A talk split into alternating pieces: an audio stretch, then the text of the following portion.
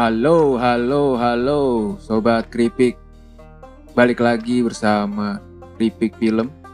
Akhirnya setelah sebulan gua nggak podcast podcastan, Rangga di sini balik lagi mereview kali ini sebuah film found footage dari Korea Selatan berjudul Marui Video.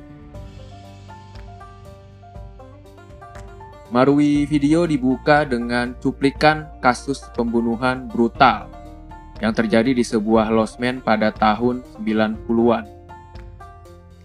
Di mana seorang lelaki yang tiba-tiba berperilaku aneh seperti orang lagi kerasukan, kemudian menghabisi nyawa teman perempuannya.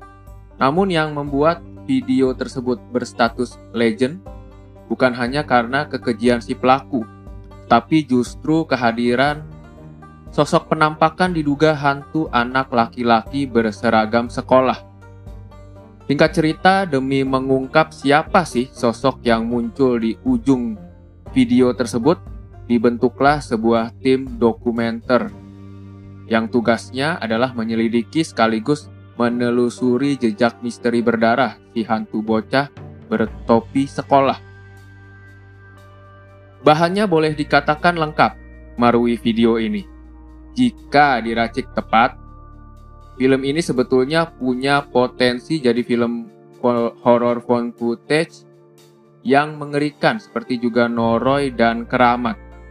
Sayangnya, kompleksitas presentasi ceritanya malahan membuat dokumenter asal Korea Selatan ini terasa cukup melelahkan untuk diikuti.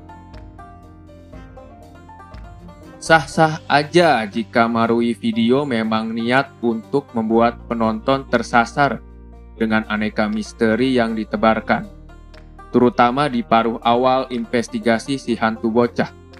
Trik yang tujuannya tak hanya agar kita menjadi terkecoh dari fakta yang sebenarnya, tetapi juga terpancing untuk selalu ingin tahu alias kepo.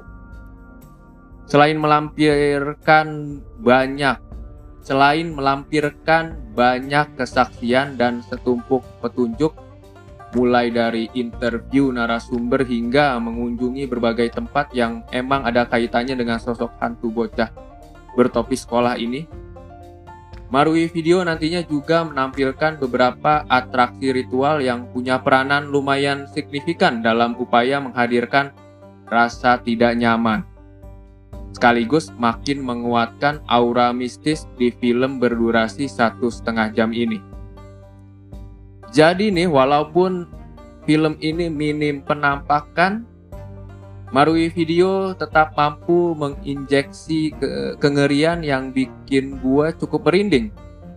Karena film ini telah lebih dulu mampu mengendalikan atmosfer cekam sebelum menyodorkan gambar-gambar yang seram.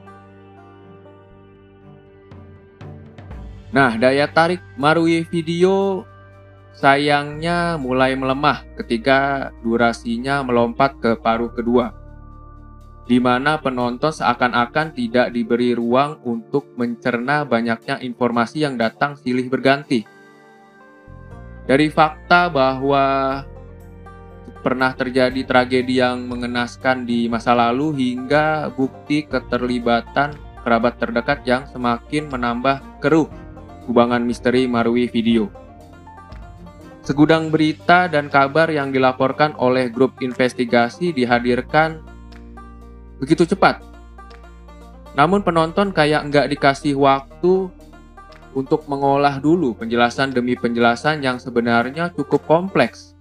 Bahkan sekedar untuk mengingat nama-nama atau tanggal kejadian. Jadi nonton Marui video ini emang tidak boleh salfok alias salah fokus. Fokusnya mesti 1000% kayaknya apabila ingin terhindar dari yang namanya kebingungan. Alih-alih gua menikmati sepak terjang tim pencari fakta dalam ngebongkar misteri video terkutuk, storytellingnya justru punya efek samping membuat gue suntuk. Untungnya, untungnya nih, Kekurangan Marui Video ketika menyampaikan cerita dapat terhalangi oleh kemampuan teknik found footage yang bisa dikatakan mumpuni. Walaupun itu pun tidak sepenuhnya. Setidaknya Marui Video sanggup menghadirkan sebuah ilusi yang cukup meyakinkan. Hingga nantinya gue dengan ikhlas percaya bahwa segala tayangan yang gue tonton itu yang hasil tangkapan tim dokumenter ini betulan kejadian. Didukung variasi scene yang menggabungkan video dari bermacam alat perekam, termasuk juga CCTV berresolusi rendah, membuat presentasi Marui Video jadi tidak membosankan. Meskipun gua tidak menemui sesuatu yang bisa dikatakan baru, mau itu dari sisi penceritaan, kerasukan, dan penampakannya, tapi masih ada beberapa bagian yang bikin gua cukup terpikat serta pada akhirnya memaksa gue untuk bertahan hingga durasinya habis, terutama karena sekali lagi unsur misteri yang emang menarik membuat gue selalu penasaran. Yes, Marui video ini sebenarnya bisa aja lebih mengesankan lagi kalau saja nih pace-nya itu sedikitlah diturunkan alias santai, sedikit santuy dan lebih sederhana. Mungkin hasilnya akan jauh lebih mengesankan ketimbang harus terlihat sangat terburu-buru tapi pada akhirnya penonton dibuat tidak apa ya tidak punya waktu untuk mencerna segala fakta, bukti, penjelasan, laporan, dan segala macam tetek bengek yang dihadirkan oleh film found footage asal Korea Selatan ini.